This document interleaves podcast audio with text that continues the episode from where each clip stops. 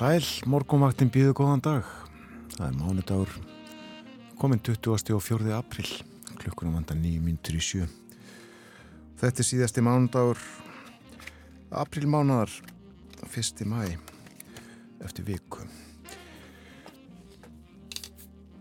Við hugum að veðrinu og uh, sjáum að landið er blátt, hitatölurnar bláar og uh, það þýðir kuldi.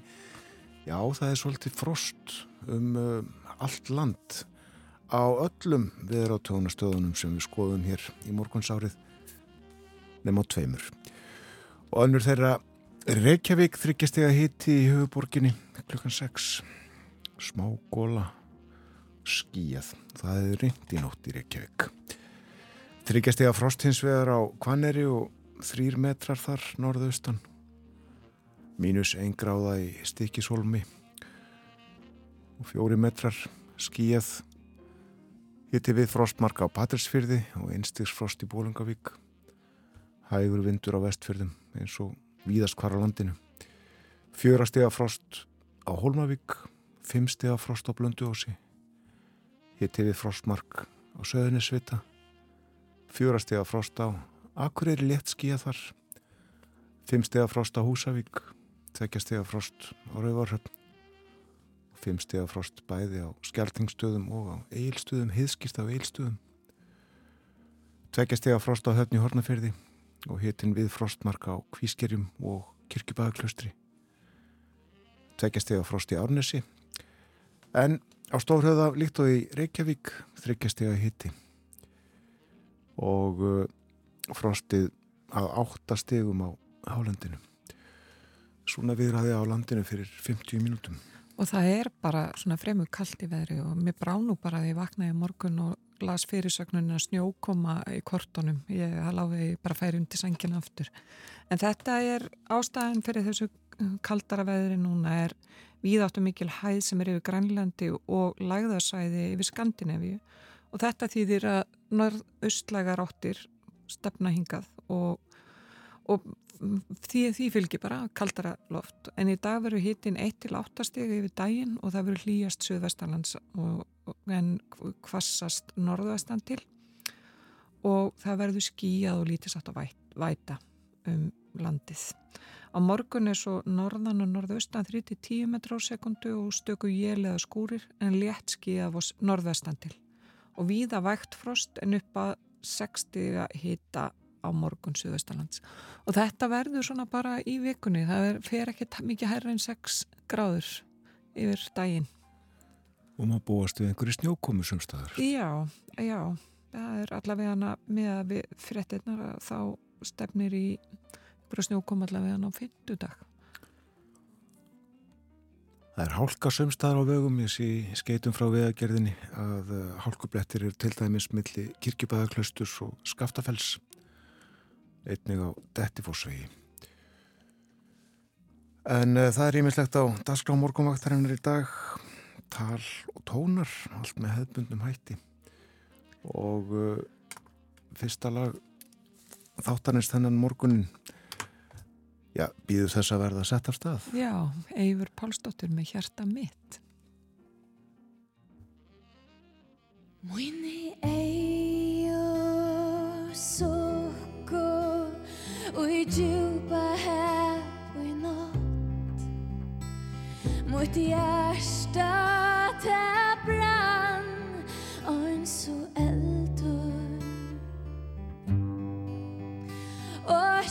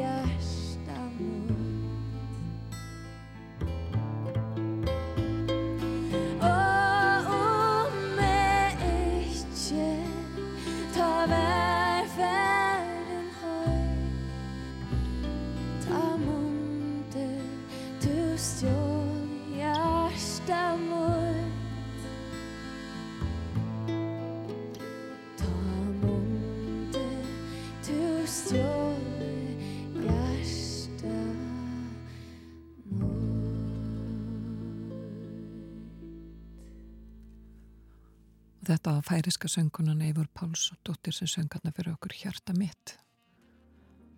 Söng á færisku. Svalt á Íslandi þennan morgunin og uh, það er tilturlega kallt líka í höfuborgum hinna Norðurlandana. Nýju gráður endar í Kaupmannahöfn, fer hlínandi, fimmstega hitt í Stokkólmi, fjóra gráður í Oslo, nýju stig í Helsingi og tvekja stega hitt í Þósöfni Færiðum en hittin við Frostmarki Núk og Grænlandi. Það líður á frettunum, kom eftir eina og halva mínútu eitthvað svo leiðis við förum ítalega yfir dagskrá þáttar eins að frettum loknum lítum í blöðin og uh, bröllum ímislegt fylgið okkur endilega inn í daginn.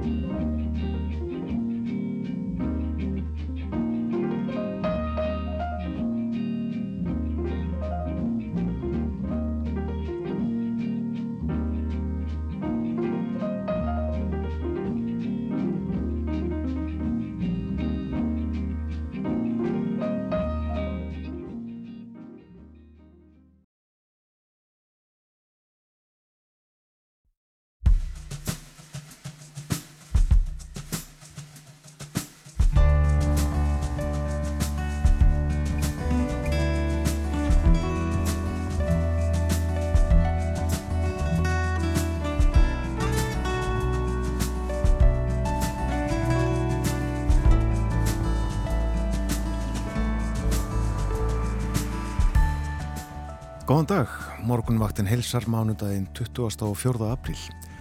Ný vinnuvegka er afinn með nýjum tækifærum og nýjum áskorunum. Umsjón hafa Björn Þór Sigbjörnsson og Guðrún Haldunadóttir. Og það líður að leðtóafundi Evrópuráðsins í Reykjavík en hann fer fram með miðjan næsta mánuð. Björn Malmqvist, frettamæður fjallar um Evrópuráði, hlutverk þess, starfsemi og Reykjavíkufundin í spjalli eftir morgunfrettir. Þeim fækkar mjög tegundunum sem að lifa á jörðinni, bæði dýrum og jurtum. Það dregur úr líffræðilegri fjölbreytni, svo mikið raunar að sumi tala um hrun. Sumum tegundum höfum við eitt markvist en öðrum líklega óvart og eftir stendur, eftir stendur fátækari jörð. Og um þetta fjöllum við á morgumaktinni í dag skúli Skúlason líffræðingur verður hjá okkur upp úr halv átta. Mentamála stopnun verður lögð niður og ný stopnun sett á laginnar í hennar stað. Með því á að tryggja heilstæðari skólaþjónustu á leik, grunn og framhaldsskólastígi. Við ræðum mentamál við Þórtísi Siguradóttur, fórstjórastofnunarinnar, upp á klukkan hálf nýju. Einhvern veginn svona verður morgunvaktinn þennan morgunin. Við höfum yfir hugleðingar veðufræðings, nefnum þó að það var frostvíða á landinu fyrir um klukkustund. Fimmstu að frost til dæmis á Húsavík og hittum við frostmark með Suðuströndinni. En uh, já, í hugleðingum segir veðufræðingur, uh, það er víðáttu mikil hæði við Grænlandi og einnig við Skandinavíu. Yfir Skandinavíu er læðar svæði og afsakið ég ætla að slökka hérna slónum og ræskja mig. Þetta hefur í för með sér norðaustlegar áttir hér við land og það er bótímáli, bótámáli að vindur er ekki mikill, úrkoma í minna lægi. En það er heldur svalt í veðri þó. Og það stefnir í að vindræðin verði að 13 metrum setnipartin í dag, það sem kvassast verður og það verður norðvestan til. Þyknar heldur upp norðaustalands en áfram verður bjart á norðvestanverðurlandinu og sunnan til ætla lítil læða bóla að senda skíjað veður og dálitla vætu inn á landið. Og á morgun þriðudag er útlitt fyrir hægari vind og stöku jél norðaustalands að það maður búast í skúrum síðra og það verður bjart norðvestan til. Kólnandi veður. Oh. og svona verður veðrið þar að segja eins og það verður á morgun dagana þar á eftir á miðugudag og fymtudag og á fastudag þá má búast við uh, jæljum fyrir norðan og hita þá undir frostmarki. Og uh, já, smá jæl fyrir norðan líka á lögadag Já, vísir varum með þessa frétt snjókoma í kortunum sent í gerkvöldi og, og, og þar kemur einmitt fram að mig gera ráð fyrir lítið sátt að snjókomi höfuborginni og norðan og austaverulandin á 50. og rætt hérna við Byrtu Líf Kristinsdóttur viðfræðinga viðstofni. Hún segir þetta sé bara einfallega staðan. Við erum bara sett okkur við þetta Já og við gerum það að sjálfsögðu. Það er nú aldrei snjóra á fórstíðu mynd morgunbladsins, Eh, hún reyndar tekin í eh, 2000 metra hæð uppi á Örafajökli en uh, á jökulin uh, gekk hópur á vegum fjallavina og það var um helgina. Og uh, þau náðu uh, já, gengu á Kvanadalsnjúk aðfara nátt lögadags náðu upp á topp klukkan eitt á lögardeginum það var lagt um staðum fjöguleitið að nóttu. Og uh, þegar uh, komið var upp í 1200 metra hæð þá tók við skýja krægi og uh, í honu var gengið í 500 metra til viðbútar og hvað gerist þá? Jú, þá tók við solskin og frábært útsinni til allra átta. Þetta er uh, haft eftir uh, Laurent Jekú sem var leðsugumadur 14 tíma ganga á Kvanadalsnjúk fallimynd uh, sem Jón Greta Sigursson tók með dróna en það er fjallað um uh, nýja könnun eða, eða rannsók sem félagsvísindarstofnun Háskóla Íslands hefur gert Vannana fyrir félag lesblindra á Íslandi og uh, rannsóknin leiðir í ljós að alltaf 20% ungmenna á aldrinum 18 til 24 ára eru með lesblindu. Og uh, þetta eru fleiri heldur en áður var talið. Og þetta hefur mikil áhrif á börn og uh, ef þau uh, eru ekki greind fyrir 10 ára aldur þá getur fyllt þessu mikil kvíði inn á úlingsárin og uh, inn í æfina segir hér börn sem að greind eru eftir tíu ára aldur þau glýma frekar við kvíða en þau börn sem að fá greiningu undir tíu ára aldri. Ef það gerist þá fá börnin bjargir í framhaldinu og þá eru þeir sem eru lesblindir og fá greiningu seint. Þeir eru líklegri til að vera kvorki á vinnumarkaði nýði námi en aðrir í aldursóknum Og fjallaðan þetta í morgunblæðin í dag eh, líka á eh, vefnum okkar ú.is. Svo er hér eh, í morgunblæðinu tala við Karl Björnsson, hefur verið framkvæmtastjóri sambands sveitafélaga núna í bísna mörg ára en er að hætta. Og var hér í þættinu fyrir nokkrum vikum. Einmitt. Og uh, hann segir að uh, sveitafélagin þau þyrtu að hafa um 30 miljörðum krónar meiri tekjur en nú er til að geta staðið undir skuldbindingum sínum farið við þessi máli viðtali í mókanum Í breskublöðunum þá er það einhver aðalega að vera að fjalla um stöðuna í Sútan og það að vera að reyna að bjarga bretum það sem eru fastir þar út af átökunum og rætti hérna við meðlannis við utarikisráð þeirra bretta James Cleverly sem að segja að það geti bara reynst mjög erfitt að koma fólki heim nema að það náist að vopnalli sem að hefur ítrekka verið rófið.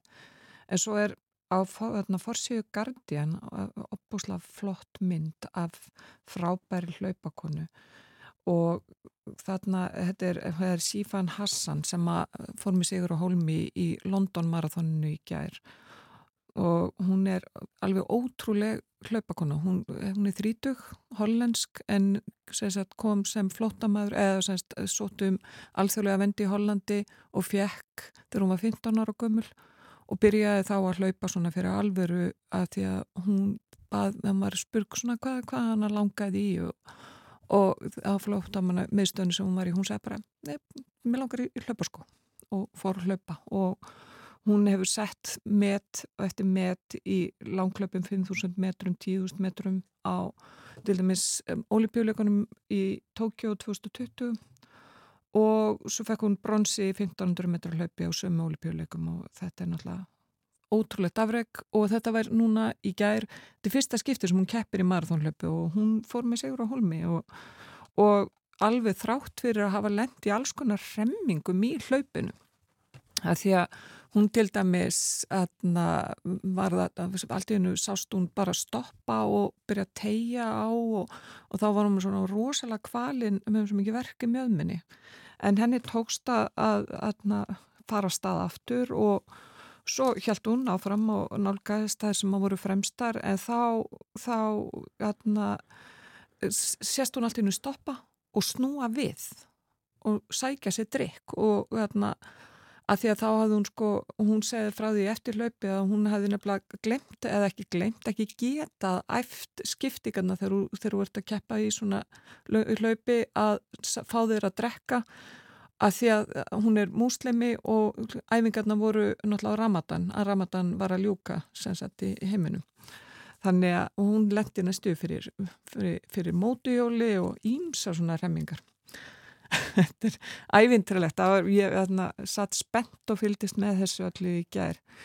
En svo í danska blæði Politíkan það er umfjöldun á forsýðu með mynda og löngreinin í blæðinu um yfirkennar sem að breytum kurs í lífinu hætti, hætti störfum og er núna í ílöpavinnu og hann áka bara láta láta fjölskylduna hafa forganga og hann yrði, var að örmagnast að streitu og vinnu álægi og, og þannig fjalla tölvertu um svona uh, viðhorf dana til vinnunar. Það er að breytast, hún skiptir ekkit öllu máli í lífinu. En politíkan fjalla líka er hérna með viðtal við Óla Veljásson myndlistamann út af þessu verki sem hann er með í Katar og síningu sem hann er með þar og og hann hefur hingað til ekkert vilja tjásum þetta en gerir það í þessu viðtali og, og telur bara að það eigi ekkert að blanda þessu saman myndlist og, og politík í svona þá sem svo var gert aðna í sambandi við HM mótið í Katar, það var mjög gaggrínt að hann veri að sína verk þar. Þetta er svona sem að var helst að koma í þegar ég rendi yfir blöðin í morgun. Já, komu þá aftur heim tilstóði gær og satt var frá í fréttum að eh, draga flutningarskipið Vilsson Skó úr Stengrinsfyrði til Akurirar en í gerðkvöldi var hætt við þau áform eh, kom í ljós að eh, það eru skemdir á skipinu og það miklar að það eru ekki þótt óhætt að draga skipið til akkurir og uh, ég, ef, ég, ef ég skil rétt þá eru menn bara svona hugsa um þetta og ráða ráðum sínum. Og fundaði í dag um næstu skrif einhverjir uh, möguleikar nefndir hér. Einn er að draga skipið til Hólmavíkur. Mm. og uh, einnig er veld upp að finna skipinu örugan stað í Steingnisfyrði láta það liggja þar við akkeri. Skipferðar eru ennum borð, aðstæður taldar örgar. Við fylgjumst með þessu áfram hér í þættinum.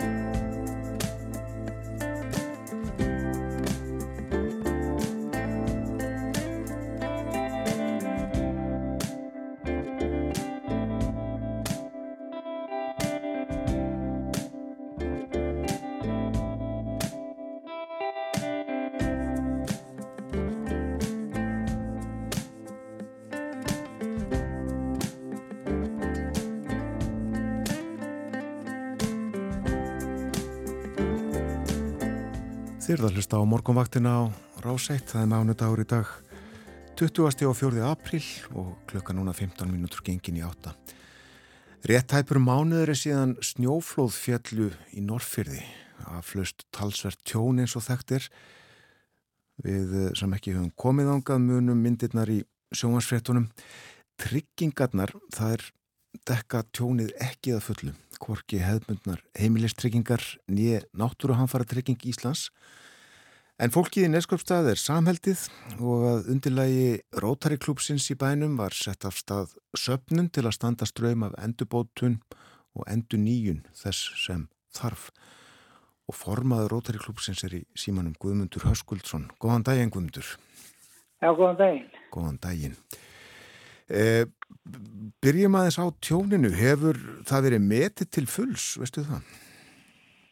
Ég held að, að endaleg tala sér ekki komin á. Ég veit að Náttúruhanfæratryggingar Íslands voru búin að gefa út 150 miljónum krónir. Það, það eru er tjón sem þau, þau taka þátt í að að greiða en, en mér heyrðist líka á mörgum sjálfhugum að það sé sé víða mannum að ræða vistu kosti að þeirra áliti Já og svo koma uh, til sögunar tryggingarnar sem að fólk hefur heimilistryggingarnar ekki satt? Jú, jú, ég, það, það er að segja sko náttúrhanfæri tryggingar þeir, uh, bæta tjón þar sem að erum brunatryggingar að ræða. Og það er sem sagt skildu brunatrygginga á öllu húsnæði.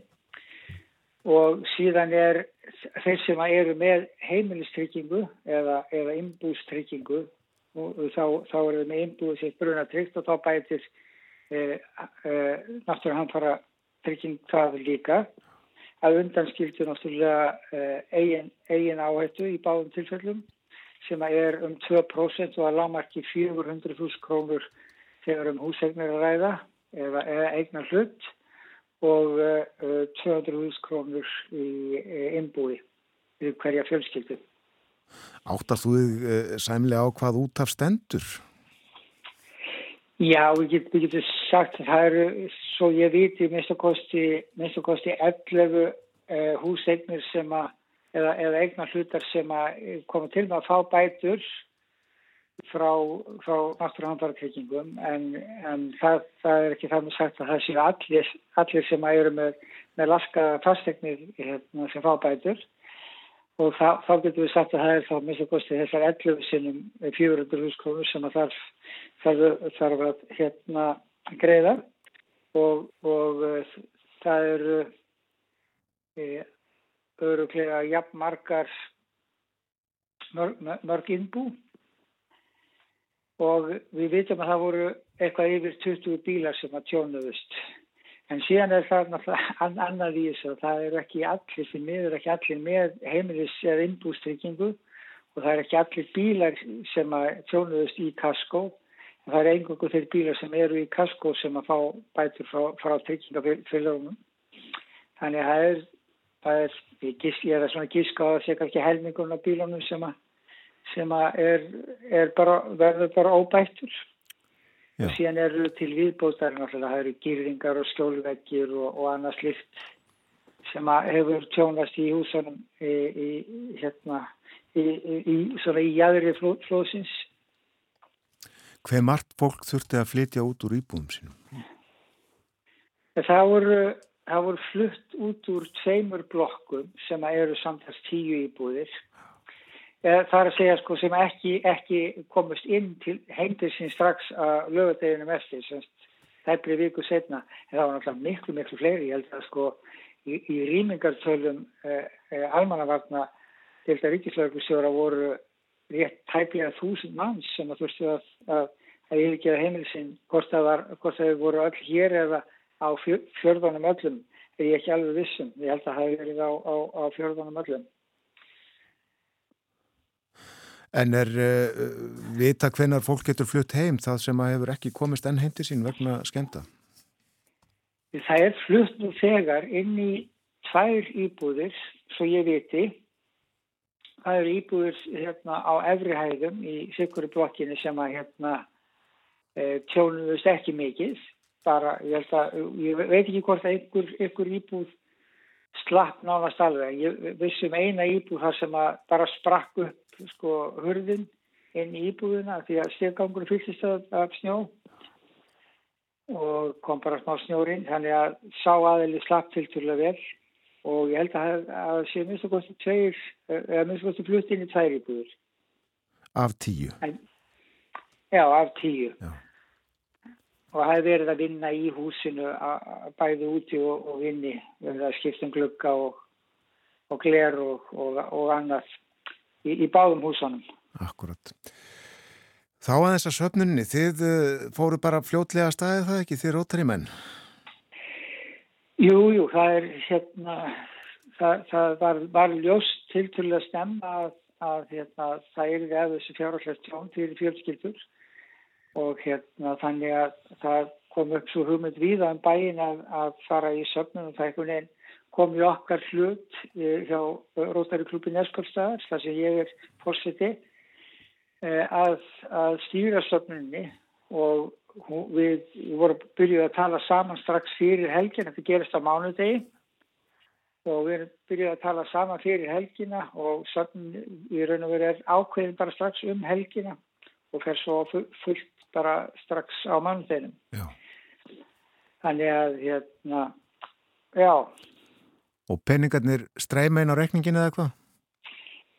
Já, peningarnir hafa verið að streymin á reikningin getur við sagt og hérna og það gekk náttúrulega á meiri hraði á þeim fyrstu dagana. Og eh, en einhvað séu sko eru komnir núna eitthvað vel á 1500 manns eða 1500 innlegg inn á, inn á hérna söfnunina. Og þar, þar eru náttúrulega í meiri hluta einstaklingar miklu meiri hluta en, en samt nokkur fyrirtæki. Og uh, fólk allstaðar að landinu? Já, það er bara þannig, við erum að fá, við erum að fá frá Lions klubum uh, viða um land. Og hérna og að fyrirtæki aðalega hérna á í, í Neskjöfstað en fólk á allstæðar á landinu og uh, fólk sem er okkur ekkert, ekkert, ekkert ekki svo við vitum að sín hafa neina tengingar hingað endilega sko. Nei. Fólk bara, bara finnur, finnur til með okkur. Já. Hjörtun stór. Já, já. En fólk sem er að hlusta á okkur núna og vil leggja þessu lið, uh, hvar finnur það upplýsingar um uh, bankareikning? Já, það er til dæmis inn á, erum við með Facebook síðu sem heitir Margt Smátt. Það sem er, það er eiginlega Facebook uh, atbyrður sem heitir Margt Smátt og það eru allar, allar hérna, upplýsingar um, um söfnuðina. Einmitt það. Hvernig er verið hefur í dag? Heru, það, er, það er stilt og bjart, rosalega fallegt veður en það er hérna, skýtkalt við tekka á því á það. Já. Og hætt við að verði skýtkalt áfram næstu daga, held ég. Já, já, það er, klart- það er ekki komið sumar hérna við, við hérna, höfum nú kynst ímsu í því. En er allur snjór úr fjöllunum í kring? Nei, nei, það er eftir snjór í fjöllunum sko en, en ekkert með það sem var og nánast allur snjór, það er einhver einstakar skítugur skap hérna í, í, í bænum en, en það er búið að vera, vera þýða alveg sko, alveg stanslust í, í rúma þrjár vikur þannig að, þannig að hérna, það er allur snjór farin á bænum sem er, er alveg kraftaverk með hvað var mikið snjór í bænum. Já. Það er ágættu þetta. Trú ég. Hvað heitir Guðmundur fjallið sem að uh, flóðin fjall úr fyrir ofan bæinn? E, já, þegar stókst er spurt. ég, hérna, allir heit ekki bara, nei, ég ætla ekki að besta, besta hérna, fullir ekki neitt. Ég held að heiti samt, nei, ég ætla ekki að vera fullir neitt. Það borgar sér ekki. Nei, komdu með það sem að er að veltast um í höfðunaður. Nei, mér, finnst, nei, ég, ég, ég get ekki verið að láta hafa, hafa það eftir mig. Búin að búa hérna núna samflett í, í 17 ár. Já. En fólk tala bara um fjallið. Já, já, það er almennt ekki verið að nefna það á nafn, sko. Það er náttúrulega, ég, ný, nýpan er náttúrulega yst hluti fjallsins og nýbukollurinn og síðan eru náttúrulega nafnbreynd þessi, þessi gíl sem er að falla úr og, og fólk gengur á á, á sömurinn. En, e, og svo þekkja náttúrulega allir, allir fjalli sem er, er á mót okkur, svo, það er svo esjan ykkar sem, sem er náttúrulega hellissefa, e, múlin og nesið. Emitt. En, en eh, því miður sá hérna, Já. þá verð ég bara skammaður þegar ég sést á götu Já, já, við hafi ekki á hrein. það var nú ekki ætlu mín að koma þér í boppa. Nei, nei, ég hef engar ágjörð þessu svo sem. Nei, akkurat. Herðu, þakkaði fyrir spjallið. Eh, Við vonum að söfnunin gangi áfram vel margt smátt. Eh, Þar má finna upplýsingar á Facebook Guðmundur Höskuldsson, ekki formaður Rótari klúpsins eins og ég sagði að hann heldur Fossetti, Fossetti Rótari Já. klúpsin eskupstæður. Þakkaði fyrir já og uh, njóttu dagsins. Ég þakka þessu með stjórn. Bless, bless. Bless. Skýtkalt í Já. nekvistað. Já, en orðið snjólust í bænum, Já. það er gott. Það stýttist í fréttaðið hjá okkur, kemur eftir þrjár mínútur og uh, eftir það þá verður hjá okkur Skúli Skúlason, lífræðingur og uh, prófessor. Við ætlum að tala um lífræðilega fjölbreytileika.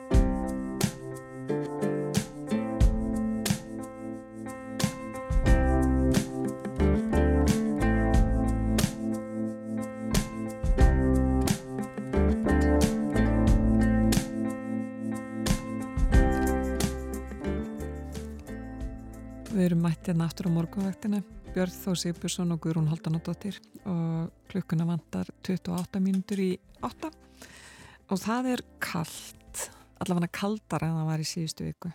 Og það er núna í morgusáraði söðaustlaga 8 fyrir til 8 metra á sekundu en svo breyt, færist yfir í norðaustan 5-13 metra síðdeis og það verður kvassast norðvestan til. En það er bjart með köplum en skýja og lítið sátt að væta um landi sunnavert og hittin verður 1-8 steg að deginum og mildast söðvestans.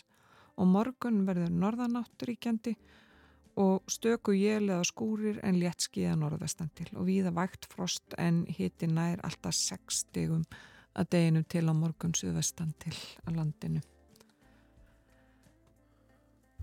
Um miða mánuðin fyrir tíu dögum eða svo þá fór fram í Málþing í Veröld húsi Vigdísar undir yfirskriftinni Náttúru sín á 20. og 1. öldinni fjölbreytni samfélags og náttúru.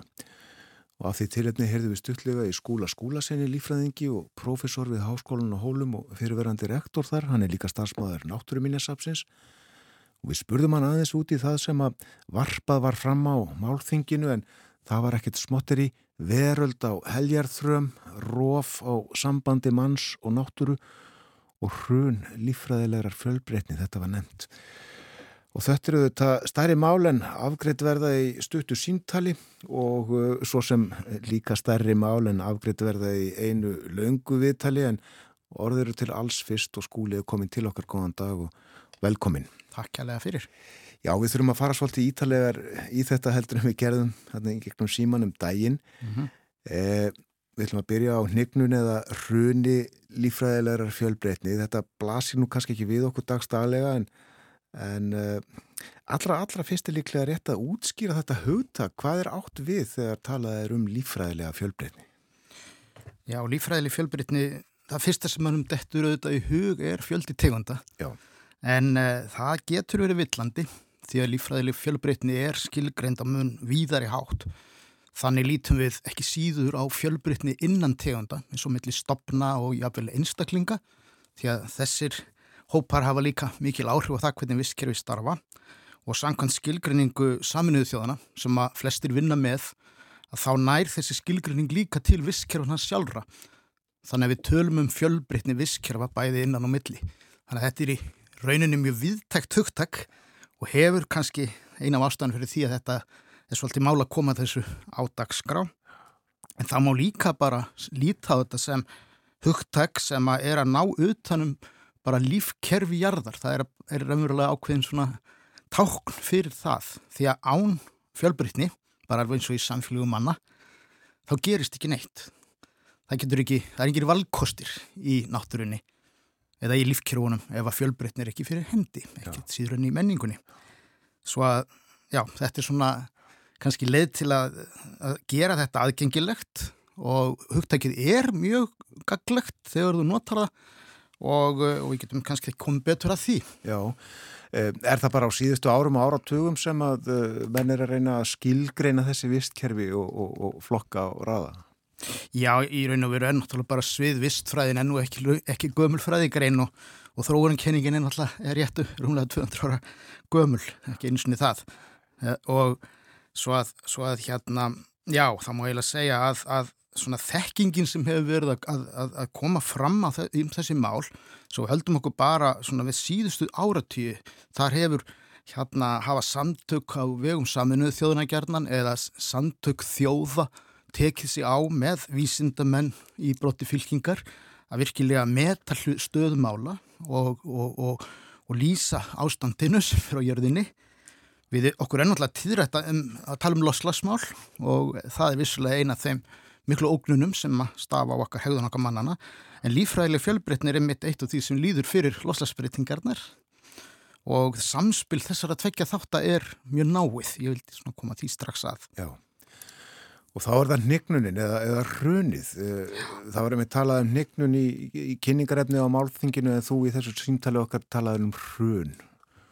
Hvorki meirinu minna. Já, það er stundum sagt svona, ef maður vil taka svona virkilega djúft í árinni með orðalægið og, og fjöldan, að þá er svona sko raði úttöðar reynlega lífvera á jörðinni núna alltaf hundra sinu meiri síðustu áratugum heldur en heldur en hann hefur verið að meðaltali síðustu tíu miljón ára á jörðinni því þetta er hægt að mæla.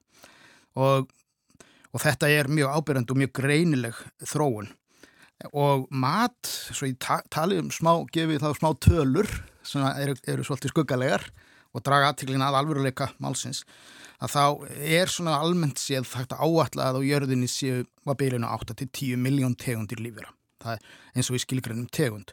Það eru náttúrulega miklu fleiri Af þessu eru 75% skortir, það er svolítið áhugavert, en nýjustu og, og áræðanlegustu mat á þessu sem kemur frá þessari sameilu nefnd uh, alþjóðsamfélagsins er, kemur reyndur úr 2019 að þá er það hreinlega metið þannig að af þessum þá 8-10 miljón tegundum þá séu núna 1 miljón í hættu, sko verulegri hættu á útdauða eða verulegri hnignun um 25% er ógnað. Þetta eru mjög, mjög háar tölur. Já.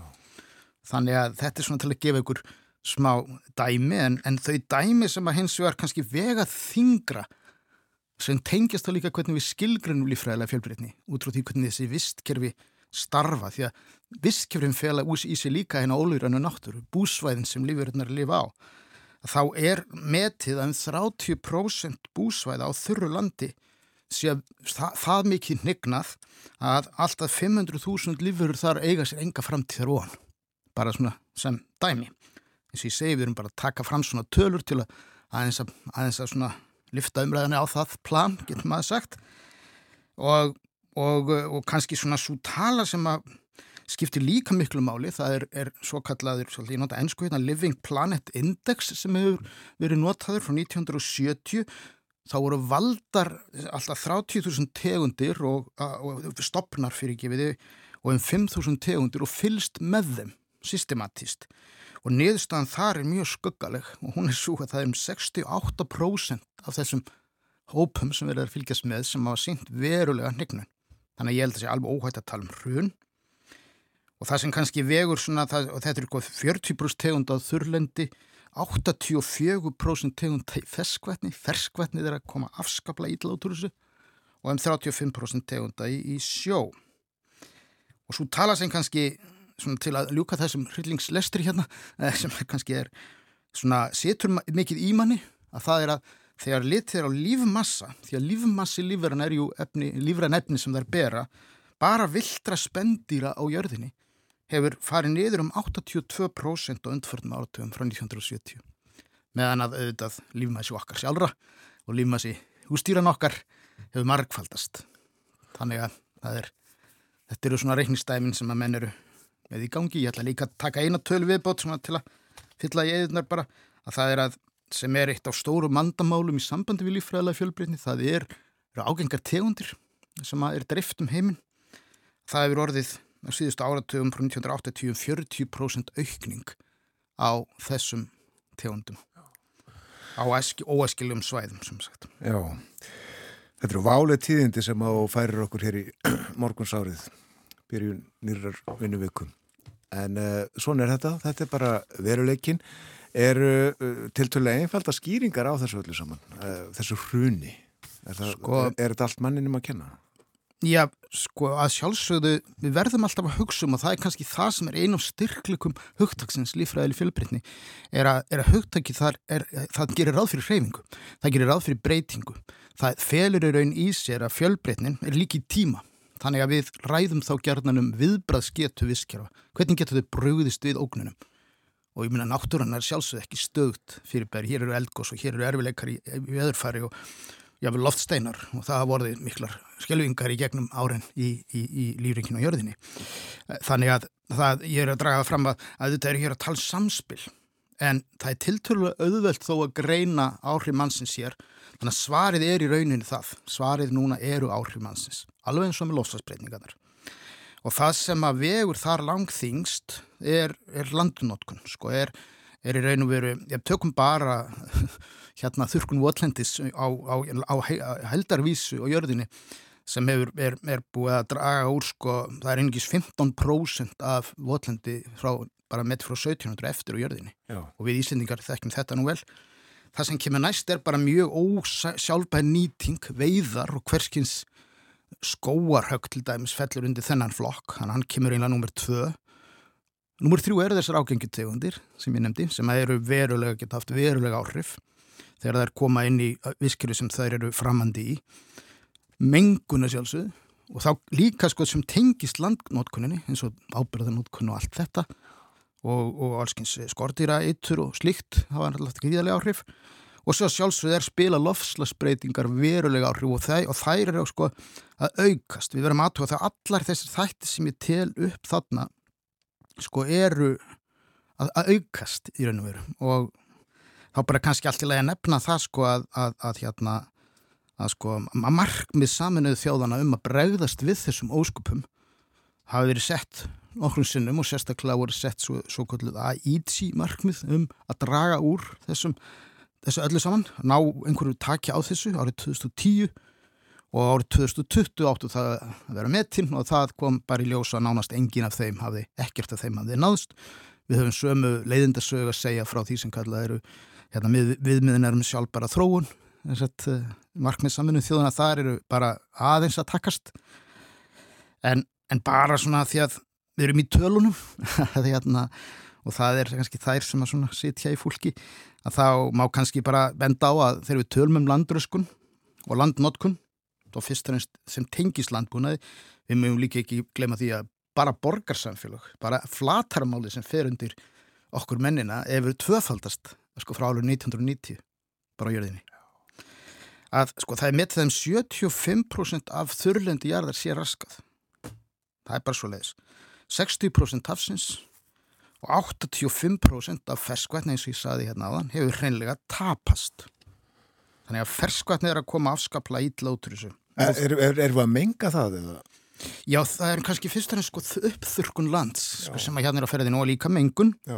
og allskynns bara gríðarlega notkun á vatni þannig að í stórum ámi í Norður Ameríku það eru sumar ár sem renn ekkert í sjáar það eru bara notaðar í, á leðinni En eins og þú dregur þetta upp þá uh, finnst manni eiginlega óvinnandi vegur að snúa þessu við, það sé bara eins og að reyna að breyta gangi hímintúnuna Já, og, já, það er þetta, þetta, sko, það, það, þetta er auðvitað þegar við komum þarna þá að, að sko, afleiðingunum og viðbröðunum við þessu. Ég nefndi þessi Aichi markmið saminuð þjóðana sem að kölluðu bæð eftir svona tæknilegum lausnum og, og, en líka eftir, eftir sko hugarfræslegum lausnum og við töluðum örlítum hugarfæri hérna síðast. Akkurat að það er það sem er núna kannski sko efst, efst og bögi bara draga það fram með þetta að sko afleðingarnar af þessu sem á bara fyrir mannin og fyrir aðrar lífverur sem er, við erum náttúrulega dýr og við erum hluti natúrunar að það eru bara svona hlutir eins og bara framleiðsla og súrefni reynu vatni fæðuöryggi, bara það sem ég vilja til fæða, því að til dæmis til að fæða mannkinn eins og í dag mjög stór hluti af því er ekki, ekki sjálfbær. Og þetta á líka bara við um aðra lífurur, hvern, hva, hvernig standa þær. Sjúdómar, COVID-19 er greinilega afliðing af, af óeðlilegum þrýstingi á vistkerfi og fjöldi svona sjúdóma mun bara aukast líklega með þeirri landnýtingu sem er. Þannig að hérna Útskýru þetta aðeins betur, uh, óeðlega þrýsting. á vist.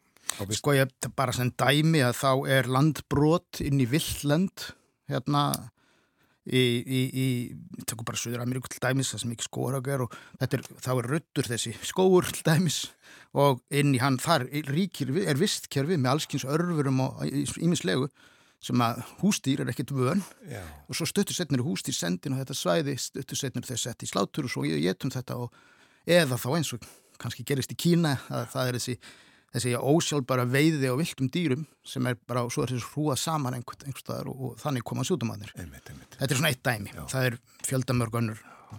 En, en varðandi viðbröðin að þá held ég að, að sko, það er ekki að lýsa afstöðu saminuð þjóðana öðruvísi en að þetta sé neyðar ástand. Og þetta hafa menn bent á þetta í samtíðu loslasmálinn líka. Þannig að það er kannski svona stuttasvarið að, að sko vil, þú, kannski, vil kannski ræða viðbröðin. Ja. Við þurfum að gera það, já. Já. Eh, eh, Fyrst langar mig að, byggja um að fjalla stuttlega um uh, það sem þú nett núna tvisvar ágengar tegundir og áhrif þeirra. Er maðurinn ekki býstna ágeng tegund? Jú, það er ótt að segja það sko. Allar tegundir lífvera í, í visskerfum hafa áhrif á einhverju sitt. Það er bara hluti af því og stór hluti af því er einhvern nátt getur við, jáfnvel sagt, meðvituð áhrif. Það þau eru að koma sér fyrir í náttúrunni, í sínum búsvæðum, í sínum visskerfum. Maðurinn hefur að sjálfsögðu hérna sagt, eh, verið, verið svo ágengur og nú komum við kannski að þessu rofi að, að hann bara einfallega sýnir öðrum lífurum bara enga virðingu í svona stuttumál sagt og þetta byggist á þeim svona sögulegu, félagslegu, jáfnvel trúarlegu forsendum að ma maðurinn sé yfir náttúruna hafin og, eh, og það leiðir að sjálfsögðu til þess að hann lítur þá á náttúruna í raun og veru sem svona gildislausa bara vél Já. sem hann getur umgengist.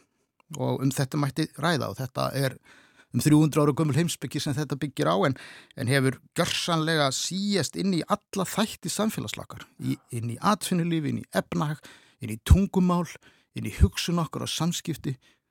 Við erum svo samferðum við séum yfir náttúruna hafin og getum allt. Og þetta er stórkostlegt vandamál sem að þarf að vinna á og, og er hægt að vinna á. En hvaða aðrar tegundir eru flokkaðar ágengar? Það eru ymsar tegundir og við náttúrulega þekkjum vel hér á landi tegundir eins og lupínuna, hún er náttúrulega ágeng, ágeng tegund, tvímanna laust við mingin sem er hér kemur í, í á þriðja áratögnum, þetta er ágeng tegund. Núna síðast það er eh, verið fylst náið með eh, strandsvæðum, Eh, ég ætla- að nefna hérna, grjótkrabba sem barst hingað ekki, ekki mjög svo langt síðan sem hefur verið að breyðast út hér um landgrunin og hafa verulega áhrif á vistkerfið. Að það, er, það, er, það, er, það, er, skráðum 36 nýjar tegundir, ekkit endil allar ágengar sem er að hasla sér völl á Íslands ströndum þessi árin. E, Já, við, þetta er svona skóarkerfillinu auðvitað líka Einmitt. En uh, já, skúli, hvað er til ráða?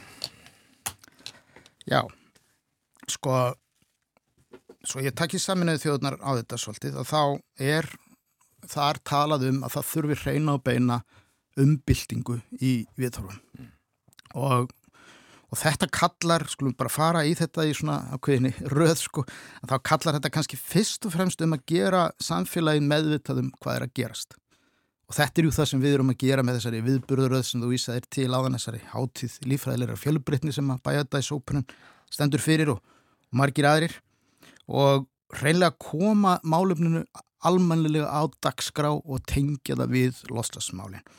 E, þetta, sko, þetta er nú þegar að gerast. Ég vil ekki bara vera neikvæður hérna. Við sjáum mjög mikið auðvitað í skólakerfinu og ma margar fyrirtæki eru virkilega að gera allt sem þau geta til að taka sig á. Stjórnvöld eru með áallanir um sjálfbæra nýtingu. Þetta er allt þarna einhvern veginn að gerast. En þetta þarf að vera gert með mun meiri ákveðni. Og ef við höldum okkur aðeins við Ísland hérna núna og kannski þetta á það bara við sem dæmum önnur lönd að þá þurfum við líka að beina sko, þekking okkur, sko, rannsóknum og, og skilningi okkar á veskjörum meira til þess að geta gert þessi, þessar hugmyndir okkar um sjálfbæra stefnu, breyta lifnaðarhætti, meiri virðingu okkar lífrikinu, sko, þá þurfum við að þekka það betur. Og það þýðir lítið að tala um uh, einhvers konar stefnu eins og við þurfum að vinna núna Um, ég tökum til dæmis kall eh, COP15 ráðstöfninar um að 30% lands og hafs verði vendað. Þetta er, þetta er mjög skinsamlega ráðstöfun og þetta er einn dæmum jákvæð viðbröð og, og nöðsynlega viðbröð og Íslandi er þekking okkar til dæmis á hafinu hérna á strandsæðum bara ekki nægilegt til að geta raunverulega. Þannig að hér þurfum við að taka, gera áttak í þeim efnum. Svo að hérna, sko við verðum horfast yfir það að við getum þetta við komumst í tungsins menninir hafa mikið, mikið afl. Við leistum COVID-19 skindilega bara fór allir hlupinn og hérna fór á þossir í spriti. Sko þetta er í raunum fyrir það sem að menn segja að þurfa að gerast í þessum álflaki ekki endilega að fara að loka sig inn í eitthvað slikt heldur bara að það sé systematist áttak og stjórnvöld geta gert þetta með því að ebla þessa þekkingargrunn með því að, að, að, að sinna stefnumótun á mjög djúpan og margtækan hátt og styðja þannig til dæmis við fyrirtæki. Þið veitir það getur fyrirtæki starfa eftir 60-70 ár. Skynsand fólk þar átt að segja því og það er verið að hugsa. En það þarf bara meiri dýft í, í þetta allt saman.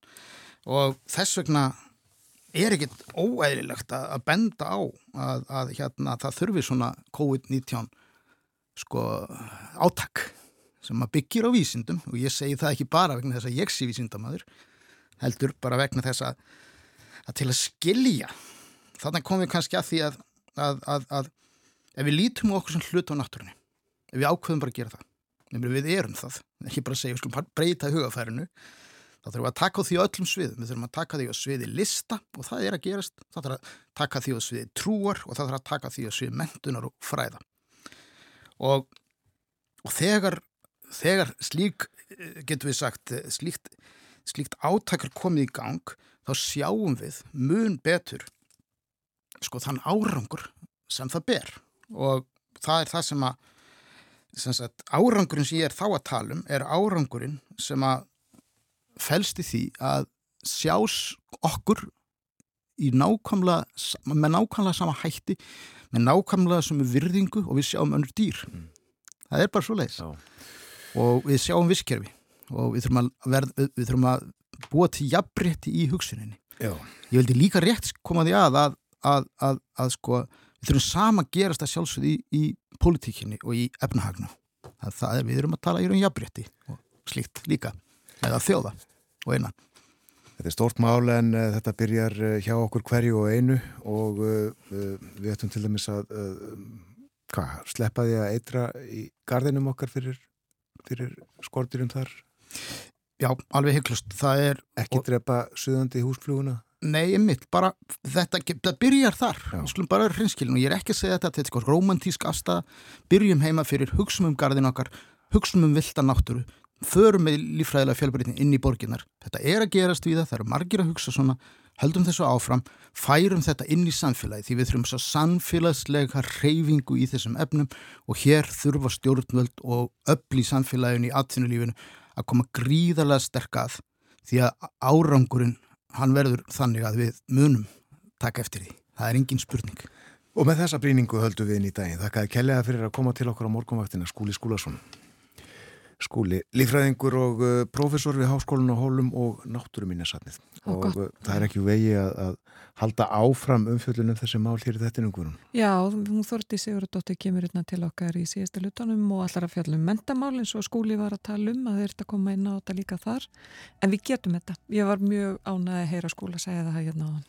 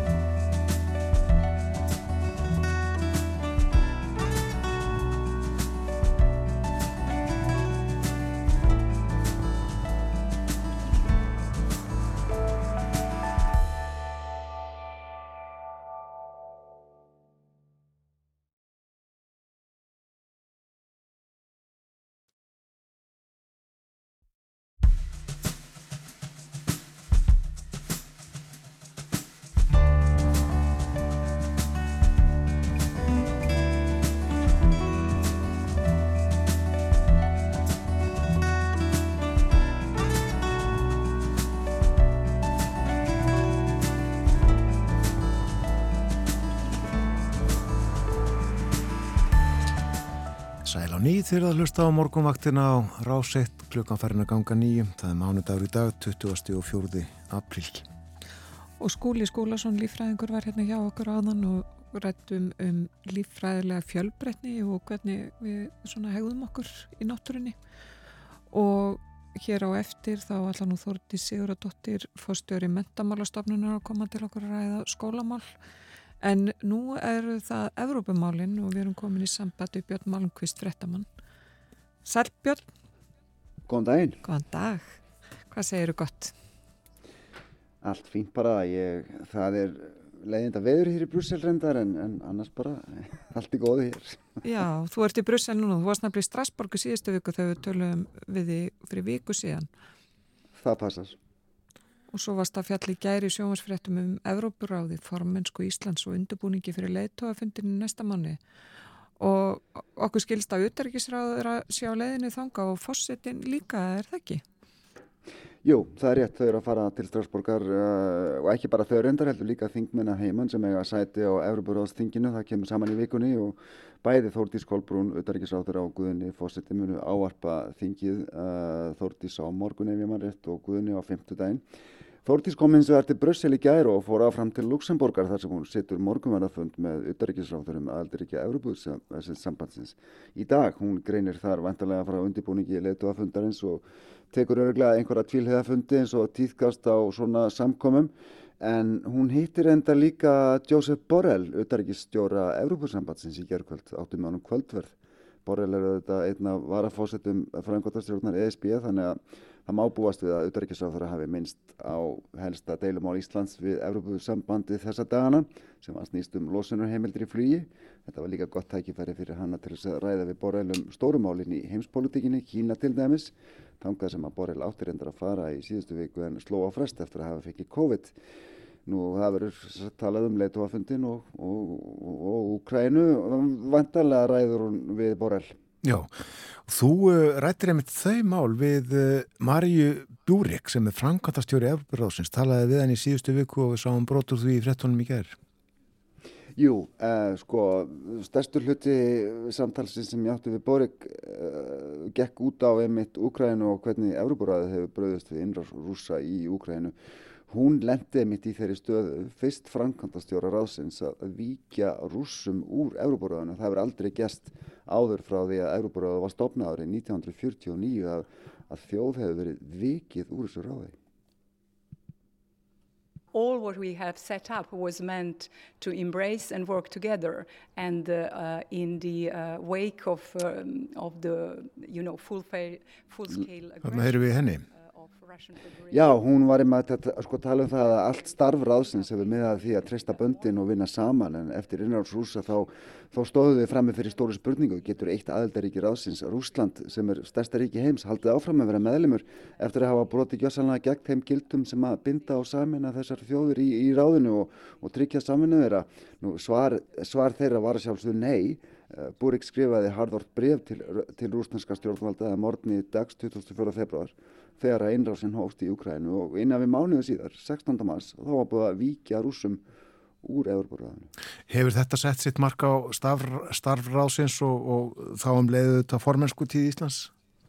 Jú, algjörlega og, og eins og við mátti búast sko, ég talaði líka við Ragnhildi Arljósdóttir sendi þegar hún er líka fastafulltrú í Íslands í Strasburg, hún sagði mér í síðustu viku að uppalega hefði staði til að halda svona, svona hefbundin ráþurafund, vantarlega auðaríkisráþurafund í Reykjavík í vor Hún tók við þessu starfi um, um þreymur árum og það var náttúrulega búið að undirbúa forminsku tímabil Íslands mjög vel en, en þau, þau plön breytist auðvitað verulega í februari fyrra. Nú, ég minna ráðfjörðarfundunum var það leðtúafundi, mm -hmm. þeim fyrsta í átjána ára vegum ráðsins og reyndar aðeins þeim fjörða frá því að, að ráði var stopnað.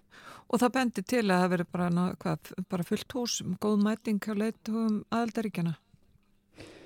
Jú, það bendur allt til þess að það hafi verið mjög fín mæting. Nýjastu upplýsingar sem ég hef fengið eru að sagt, af, af 46 leðtóum aðeldaríkja allir hafi 40 leðtóa núna sagt, staðfest bara alveg gulltrygt.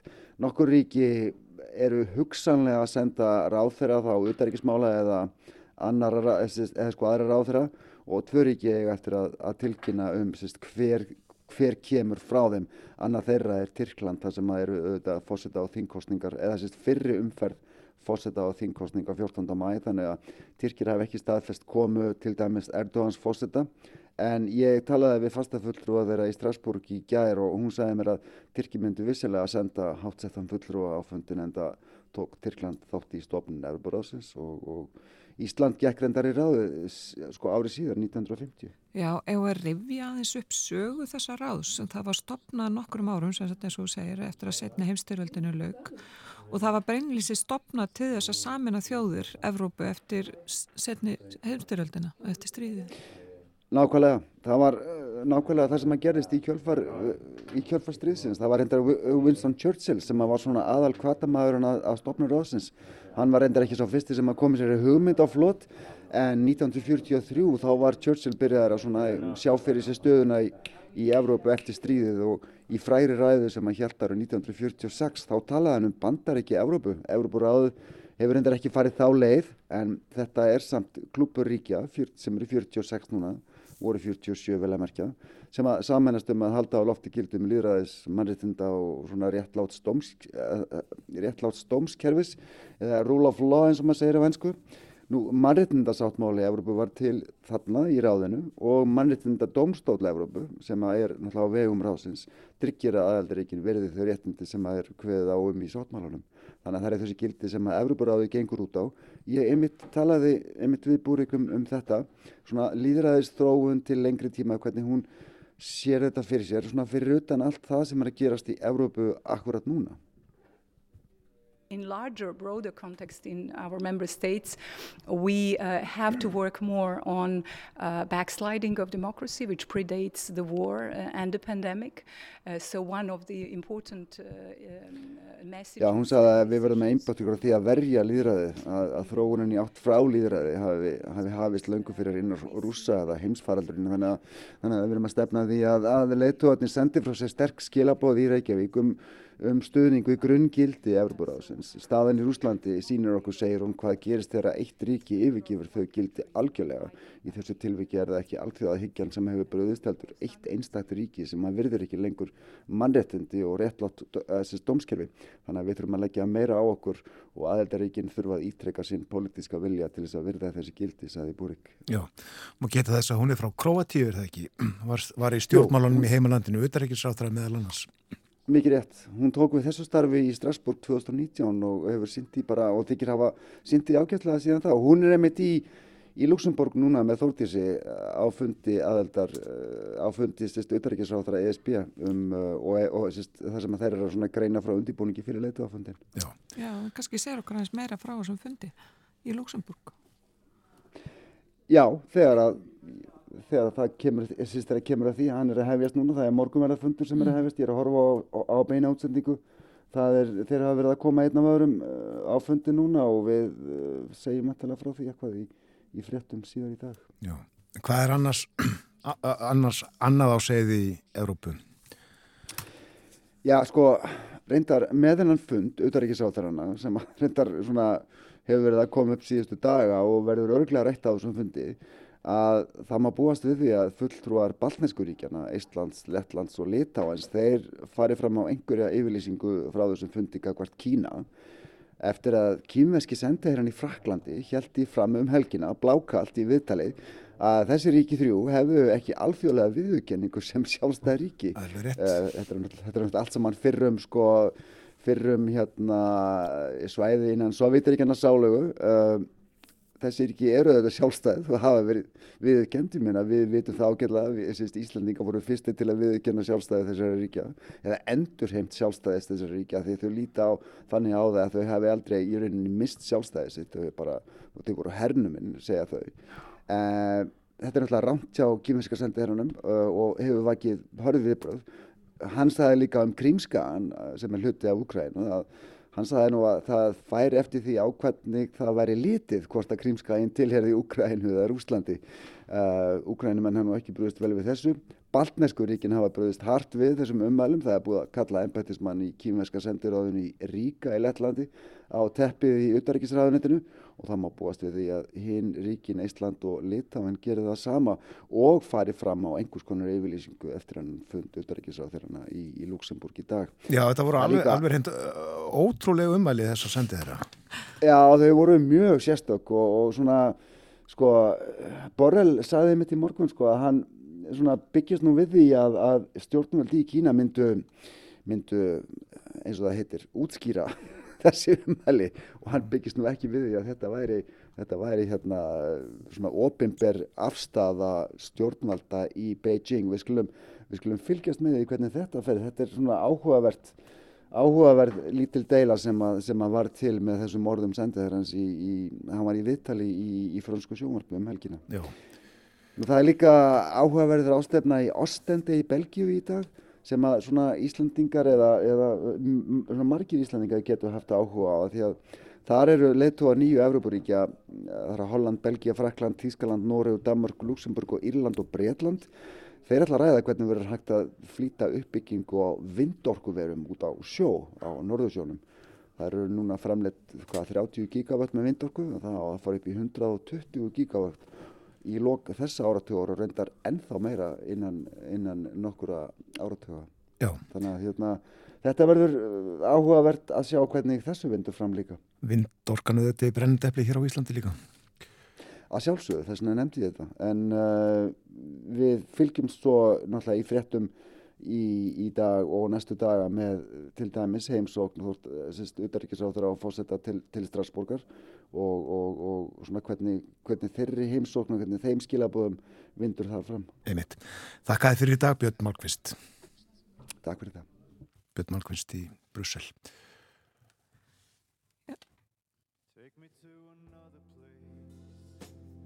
where the sun don't shine, but the stars light up the night. I will hold you in my arms, take me to another place tonight. Take me to another place where the present norms neither dictate nor apply. We can just be who we are, I will make you feel alright.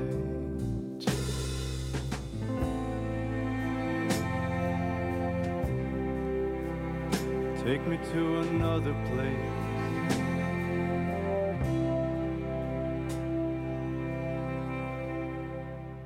Up among the stars, where the angels sigh, endless void swallow sound in a never ending waltz. You and I can swirl around up among the stars like satellites.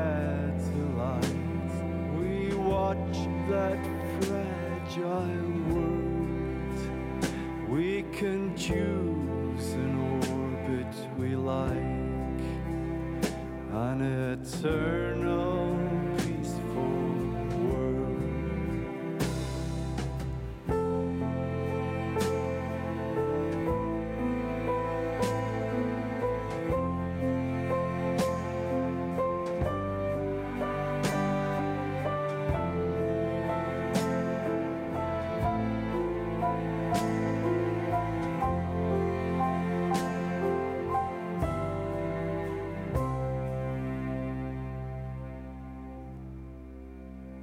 Take me to another stage with no audience where the curtains never sink.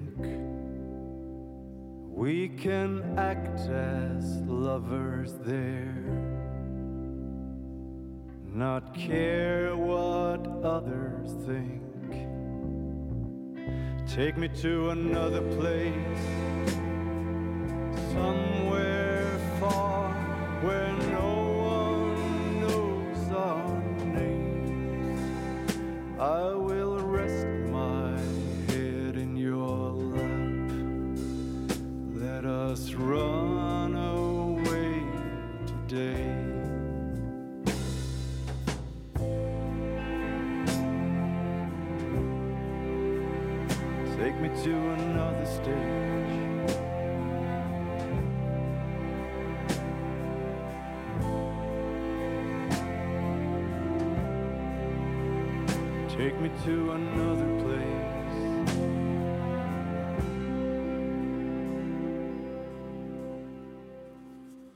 Þessi hljómsveit heitir Coney Island Babies, lægið Swirl og uh, í þessari sveit er Guðmundur Höskuldsson sem við rettum við snemma í morgun. Hann er fósætti Rotary Clubs Neskjöpstæðar og uh, sað okkur frá söfnun sem að klúpurinn uh, heldur utanum má segja. Það er uh, safnað fyrir það fólk sem var fyrir tjóni í snjóflóðunum í Neskjöpstæð fyrir rétt tæpum mánuði og uh, við gátum þess að það er hægt að finna upplýsingar um söfnunina á Facebook síðu margt smátt. En fyrir ykkur sem að viljið leggja söfnuninni lið og hafið ekki aðgang á Facebook þá ætlum ég að hafa yfir uh, kennitöluna og reknisnúmerið ég ætla að gera það hérna eftir smá stund. Þið getið nota tíman og fundi blað og penna. Og uh, á meðan þið gerir það þá ætla ég að segja frá því að það er þingfundur í dag hefst klukkan þrjú og uh, fyrsta mál á dagskrá og undirbúin fyrirspurnatími og uh, ráþurarnir sem að verða til svara eru innviðaráþura, menningar og viðskiptaráþura, menta og barnamálaráþura, félags- og vinnumarkasráþura, háskóla, yðnaðar og nýskupunaráþura og dómsmálaráþura. Og uh, eftir að þessum dagskrálið líkur að þá verður fjallað um ímismál, til dæmis breytingu á ymsum lögum í þáu barna. Þá að uh, fjalla líka um uh, livjalög og lækningatæki, tæknifrókun og notkun kyn, frumna og fósturvísa manna til stoppfrumur ansókna. Alls konar mál á dagskráni á alþingi í dag og uh, nefndirnar funda fyrir hátegi. En uh, þið eru þá vonandi sem að uh, allir að taka niður upplýsingarnar komin með uh, blað og penna og hér er fyrst kennitala reikningsins 550 579 550 579 1979 og reikningsnúmerið 1106 05 25 0199 Rekningsnúmerið er 11 06 05 25 01 99 en upplýsingarna eins og áður sagði á Facebook uh, margt smátt. Já, Guðmundur sagði að þetta hefði bara farið vel að stað söfnunin Já. enda, enda hugur þjóðarinnar búin að vera með fólki fyrir austan Það er að flytja út úr uh, öllum íbúðunum í fjölbýlishúsunum tveimur í Nesköpstað tíu íbúðir en uh, Guðmundi skildist að uh, það hefði verið flutt inn í tvær þeirra. mm. Þannig að íbúar í átta íbúðum uh, eru enn annar staðar. Akkurat fjöldi bíla sem að skemmtist Já, mikið tjón sem að uh, þarna var það allur gangur á því hvernig uh, tryggingarna ná utanum þetta kort sem það eru heimilistryggingar sem að fólk hefur nú ekki allt. Nei, eða náttúrulega hann fara tryggingin. Akkurat. En mentamálinn verða til umfjöllunar hér á eftir, eh, eftir fréttaður litið verður hjá okkur forstjóri þessar nýju stofnunar sem er að verða til á uh, grunni eða í stað uh, mentastofnunar. Já, í stað, hún, þarna, í staðin fyrir mentamálastofnun sem að verður lögð niður og það er hún Þórti Siguradóttir sem að stýri þeirri stofnun og hún er kominingað og verður með okkur hérna eftir fréttaeflitt Já, fréttaeflitt eftir örfá mínútur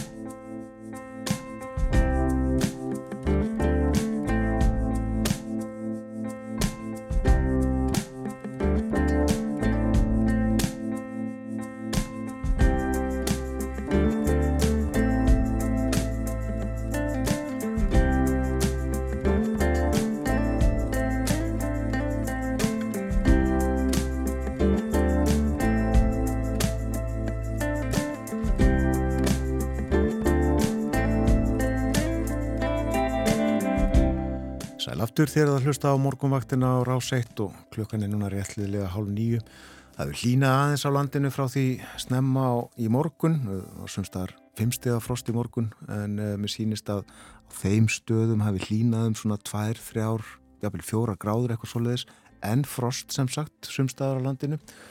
En uh, annar staðar uh, tvekja, þryggjastega hitti eitthvað svoleiðis en það verður frekar svalt í dag og næstu daga og uh, við óttumst það að það muni snjóa eitthvað setna í vikunni.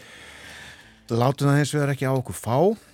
Næstu mínútur ætlum við hér í þettinum að fjalla um mentamál og mjög svona breiðum grunni. Já, eins og þú komst inn á áðanbjörn þá verður tekið fyrir á alþingi þessar breytingar sem að ef að gera á lögum í þá og barna og meðal annars mun laga frumvart menta og barnamálar á þeirra ásmundar einar daðasonar um menta og skóla þjónustu stofu það verður semst fer fram fyrsta umræðum það mál í dag og hún er komin eðinga til okkar á morgunvaktina Þorti Siguradóttir sem er fórstjóri mentamála stopnunar sem að verður lagðu niður og ný stopnum setta lagirnar í hennar stað sem sett menta og skóla þjónustu stofa velkomin í þáttinn til okkar Stortis Takk fyrir kjalla, takk fyrir að fá mig. Þetta er nú ekkit vola þjált menta og skóla þjónustu stofa Nei, takk fyrir að segja það, gott að æfa þetta. Þetta er góð skilabóð til þingheims sem hefur verið allt í hendi sér að breyta þessu. Akkurat, mm. en það er sem sagt það á að setja á lagirna nýja stopnun Já. Og hvernig, þetta er sérst fyrsta umræða á þingi í dag, en hva, hva, hvernig eigum við vona og hvað gerist í þessu? Einmitt. Það ferir þetta alveg eftir því hver meðferðin verður hjá þingmunum á þessu nýja frumvarfi sem að ráð þeirra uh, setti fyrst í samráðskátt og var síðan uh, lagt fyrir þingið og hann er að mæla fyrir því núna í dag. Þannig að það verður þetta bara virkilega áhugavert að fylgjast með svona, já, hvað, hvað þingmunum finnst, finnst um þessa hugmynd. Mér finnst hún að þetta algjörlega frábært og það er svo mikið sko, sem að hefur verið að gerast undarfæri sem að rennir ennfrekari stóðum um mikilvægi þess að það sé miðlastofnum sem að sinni þessari mikilvægu þjónustu.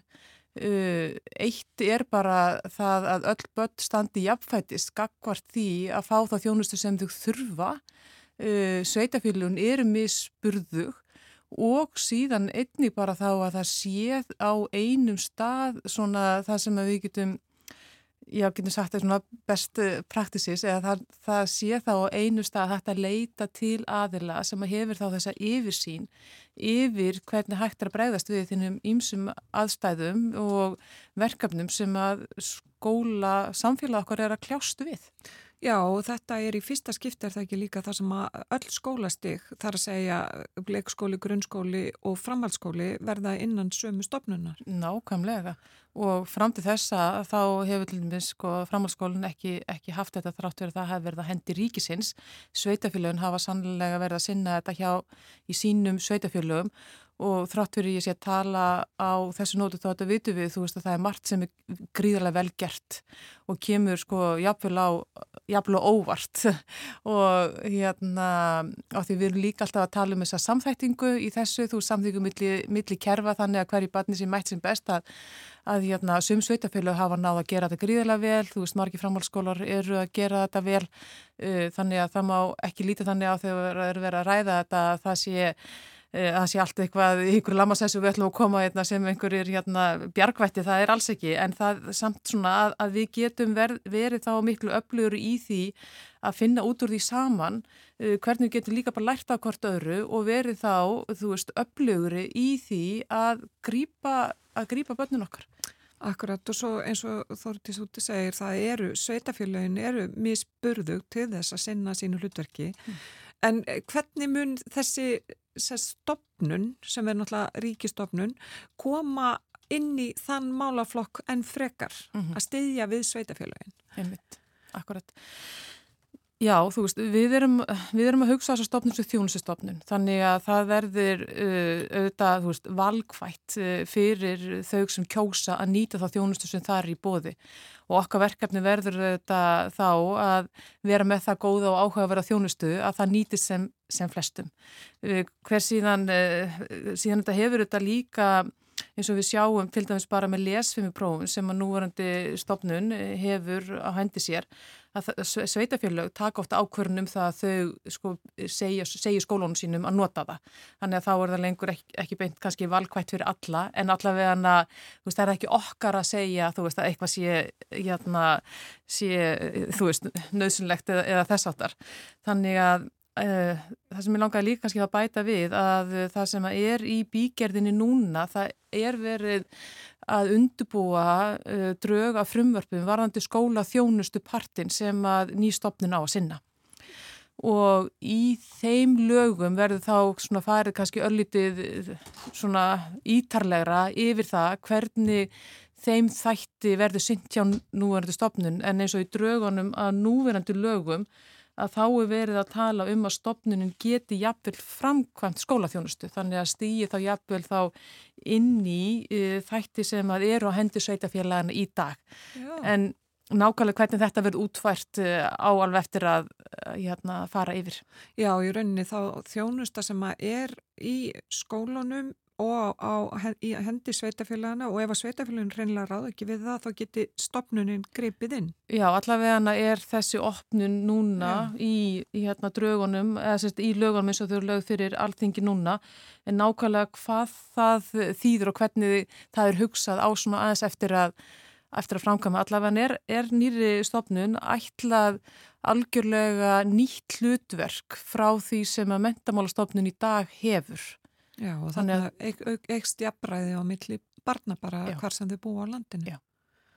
Þetta er áhugavert. Já, þetta er gríðarlega áhugavert og þetta er þetta nýstofnun og svona í ljósi um, margra atbyrða sem hafa átt sér stað núna bara nýlega, veist, eh, fyrst er bara kannski að nefna þess að rannsók sem kom í, eh, niðurstöður sem rannsókn sem kom í morgu varandi lesblinduna, mm. þú veist, hvað þetta eru alvarlega niðurstöður og við getum ekki sviki börnu um þessa þjónust og þessa aðstóða því við getum gert svo miklu, miklu betur.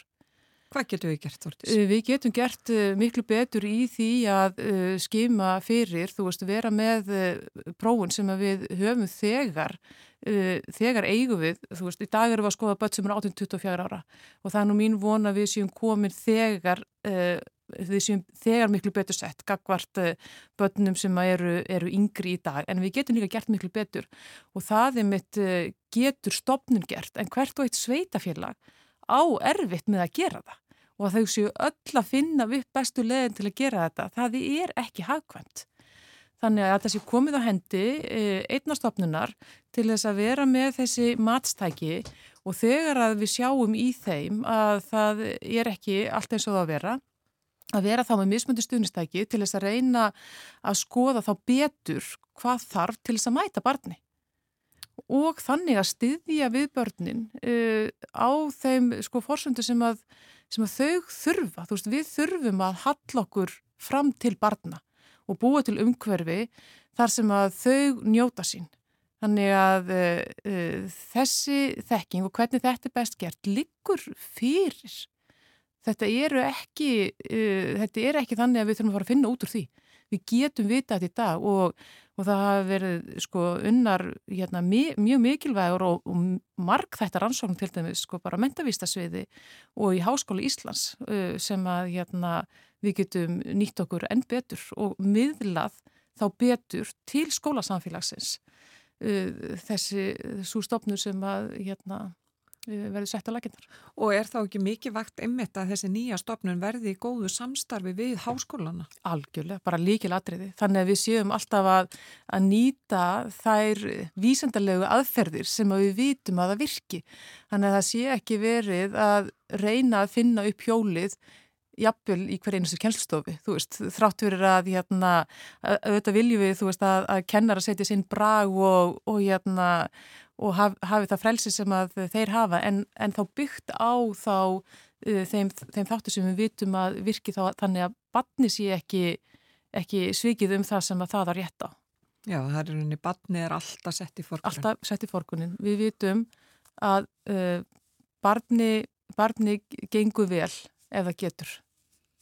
Já, og fær tækifæri til. Já, það bara, barni gengur vel ef það getur mm. og það við þurfum að búa til aðstæður þannig að barni geti gengið vel og, uh, og við þurfum bara alltaf að vera með þau gleru og þau, það sjónarhorn hjá okkur að hérna, við þurfum þá að skoða umhverju betur ef að barni, ef barni gengur ekki vel. Og er þá ekki mikilvægt að, að taka að tæknin verði nýtt frek, enn frekar heldur hún er gerði í dag? Sko það er svo mikið líkil atriði því að við erum að, við erum að sjá það að það er hægt að mæta mörgum börnum svo miklu betur með mitt eh, nýjum aðferðum og, og aftur, þú veist, við ætlum að standa með, með börnunum og hérna, og það er það er núna að verða mjög hérna vísindilega sanna líka að þetta er okkar besta fjárfesting þetta er okkar besta hjálp, við sjáum þetta bara núna í þessari niðurstöðu í þessari könnun hjá félagsvísstofnun eða þessari rannsókn hjá félagsvísstofnun varandi lesblinduna, hvað afleðingar þetta hefur? Já, þetta eru sláandi tölur að það er fynti hver glýmir við lesblindu. Já, og svo sér þetta afleðingarnar af þessu.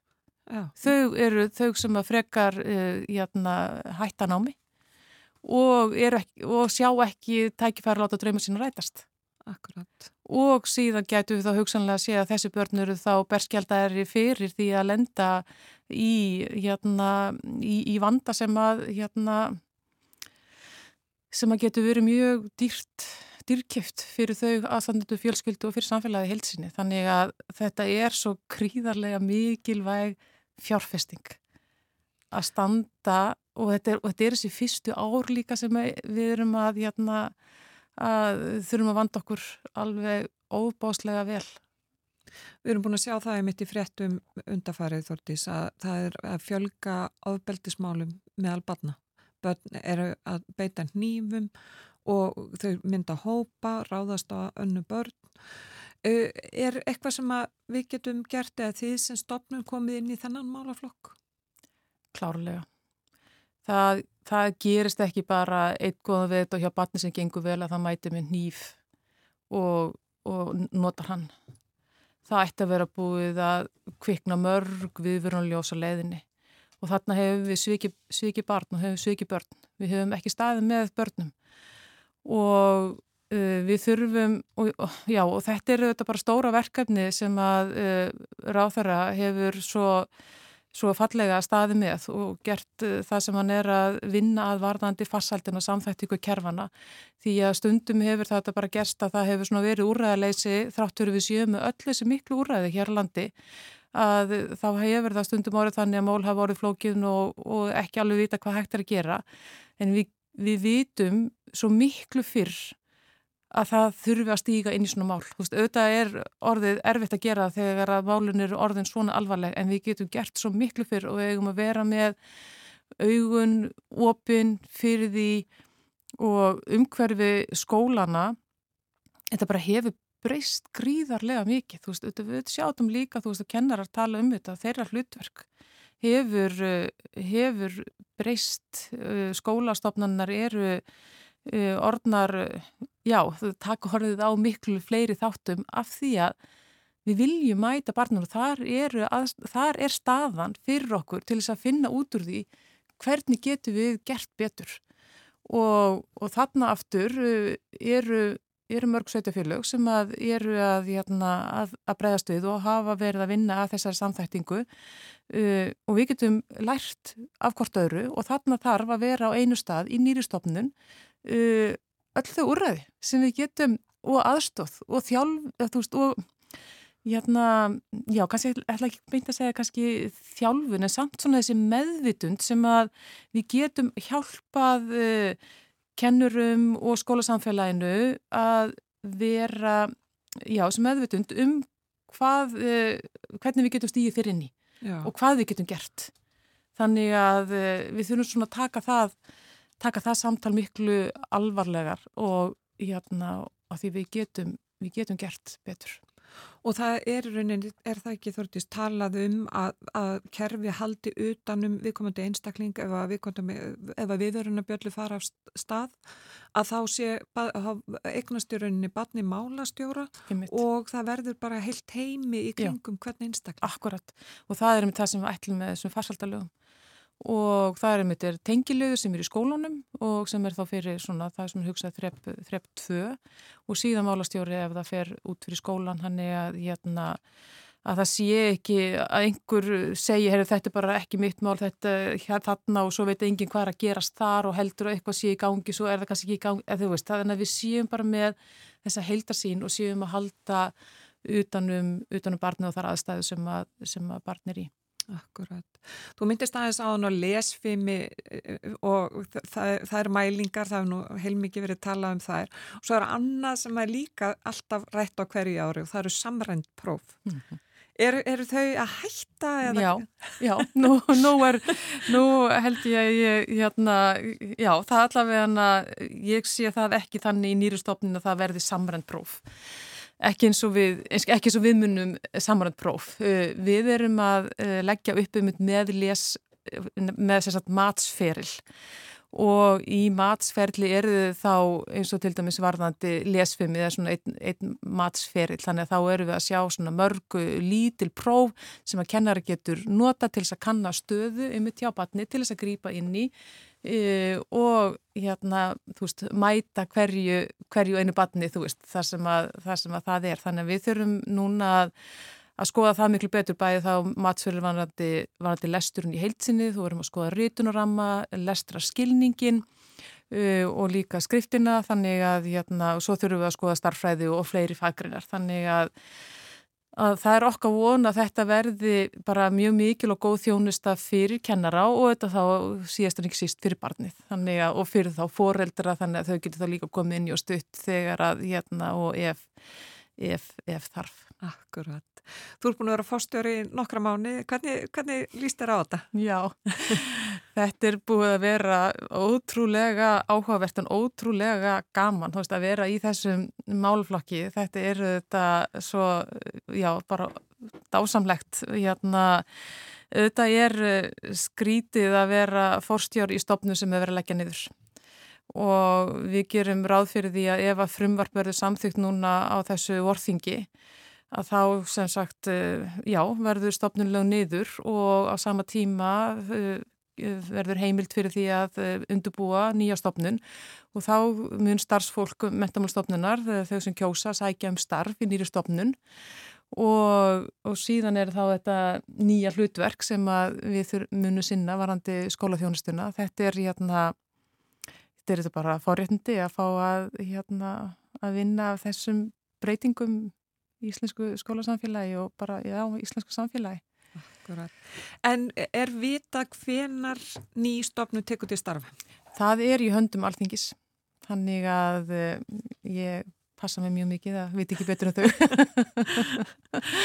en mín von er að, að þetta vist að, já, ráð þeir er að mæla fyrir frumvarpinu í dag fer, fer, já, þá, og ég bara er að vona að það klárist því að það er líka mjög vondu þetta fyrir starfsfólk sem er að vinna núna að vera í þessari óvissu og, en, en ég verð líka að segja að, að það, hérna, það, já, það mætti mjög mikið á mentamálstofnun þannig að ég vissi nú ekki alveg hvað ég var að fara í en það hefur verið algjörlega magnað að kynnast í starfi sem er í gangi þar því fólki sem er að vinna þar. Það er svo mikil fagþekkingarna inni sem að mun nýtast nýri stofnun alveg gríðilega vel. Gangi er vel í, með þetta verkefni Þórti Sigurðardóttir. Takk, Takk fyrir komina. Takk fyrir. Já, við rættum mentamálinn hérna, en nú skulum við heyra tónlist. Á þínum augarsteinum Spegla ég sjálfa mig Tek af með ljósmyndir, reyni að skilja þig. Ég býð þér göngutúr í minna skóarjóri, löfblöð alheims míns, falla trjánum úr eru gul og brún, gul og brún.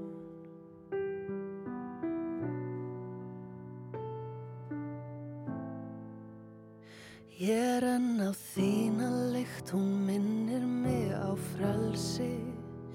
Leip úr ringiðum, völundar húsunum, með veggjur sjónspilum. Svarta himna umslag, með frímerki úr mána. Fylltum mína skál af þínu tónsljósi sem ég get dregt mér í, dregt mér í.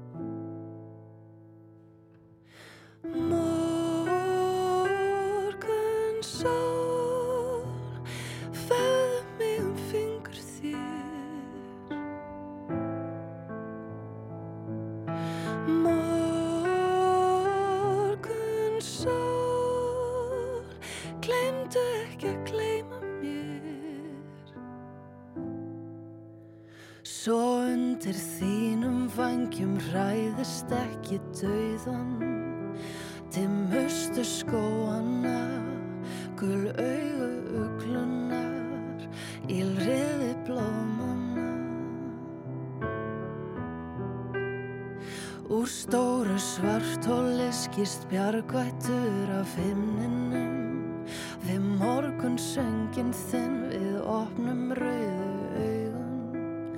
Með þitt frá eilíðin að ífa ljósa lokkana Á stregar skíana, skíana Morgun